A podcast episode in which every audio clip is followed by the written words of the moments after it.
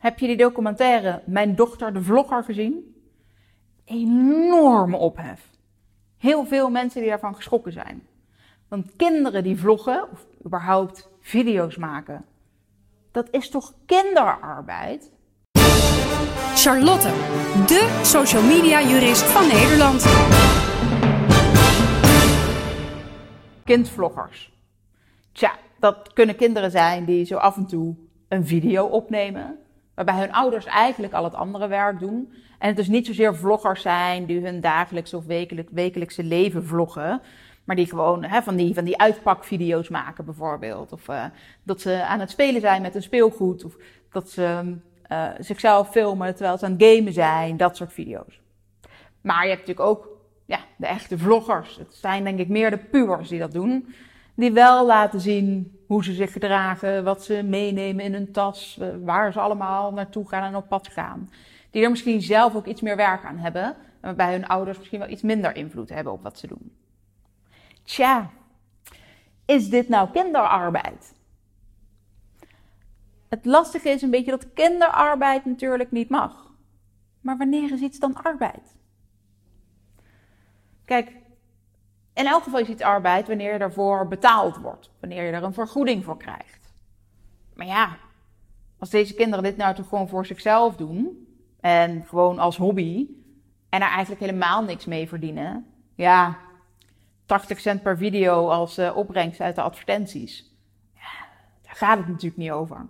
er is niemand die voor dat geld echt aan het werk gaat, dus om dat nou een vergoeding te noemen en het daardoor opeens arbeid te noemen, dat gaat misschien wat ver.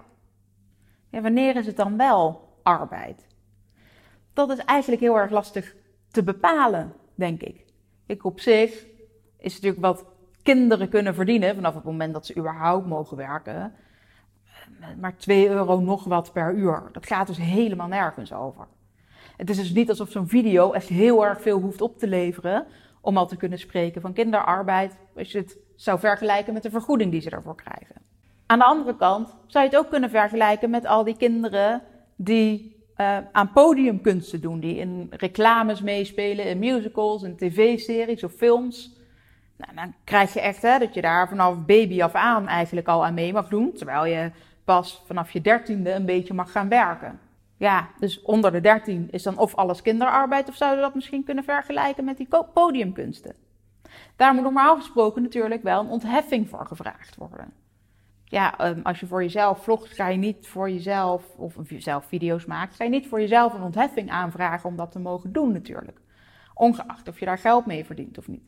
Maar goed, misschien dat dat wel zou moeten als we het daarmee zouden kunnen vergelijken. Maar misschien moeten we het wel vergelijken met topsporters. Of professionele muzici. Die heel erg veel aan het trainen zijn en aan het oefenen zijn. En een aantal keer per jaar een wedstrijd of een optreden hebben niemand die dat in de gaten houdt. Ga maar gewoon je gang. En zo'n optreden of zo'n wedstrijd, ja, daar is niet zo heel veel mee aan de hand. Daar hoef je in principe ook geen ontheffing voor te vragen als dat zich gewoon afspeelt in het weekend. En dat in principe dus geen invloed heeft op je aanwezigheid op school. Is het dus kinderarbeid? Eigenlijk heb ik het antwoord niet voor je. En de wet heeft dat ook niet, omdat je dus eigenlijk zegt dat je pas vanaf je dertiende een klein beetje mag gaan werken. En hè, eerst vooral alleen maar wat helpen in het bedrijf van je ouders als dat maar aan het huis gevestigd is. Dus denk aan een winkel aan huis of een boerderij of zoiets dergelijks. Iemand die anders een kantoor aan huis heeft. Dus dan mogen ze niet hoeven reizen tussen twee locaties. Zelfs niet als dat misschien maar twee straten van elkaar verwijderd is. Ja, hoe doe je dat dan met kinderen die jonger zijn? Je kunt natuurlijk moeilijk zeggen dat ze nooit video's zouden mogen maken of nooit zouden mogen vloggen. Vooral niet op het moment dat dat nog een hobby is. Bovendien, waarom dan wel een uitzondering voor de podiumkunsten, om het zo maar even samen te vatten?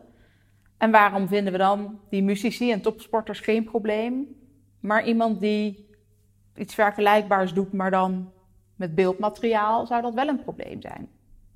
Dit is dus eigenlijk iets waar we met z'n allen gewoon nog over na moeten denken. We moeten het gewoon nog definiëren. Zolang we die definitie nog niet hebben, heb ik hier eigenlijk ook nog geen antwoord op voor je. Misschien moeten er zelfs wel nieuwe regels komen en zou dat het eigenlijk pas kunnen verduidelijken. Tot die tijd zou ik vooral zeggen, zolang aanwezigheid op school en schoolprestaties er niet onder hoeven te lijden, een kind voldoende slaap heeft en nog voldoende vrije tijd heeft om ook met andere kinderen te kunnen spelen bijvoorbeeld, of nog een andere hobby te kunnen beoefenen, lijkt me niet zoveel aan de hand en loop je nog weinig risico.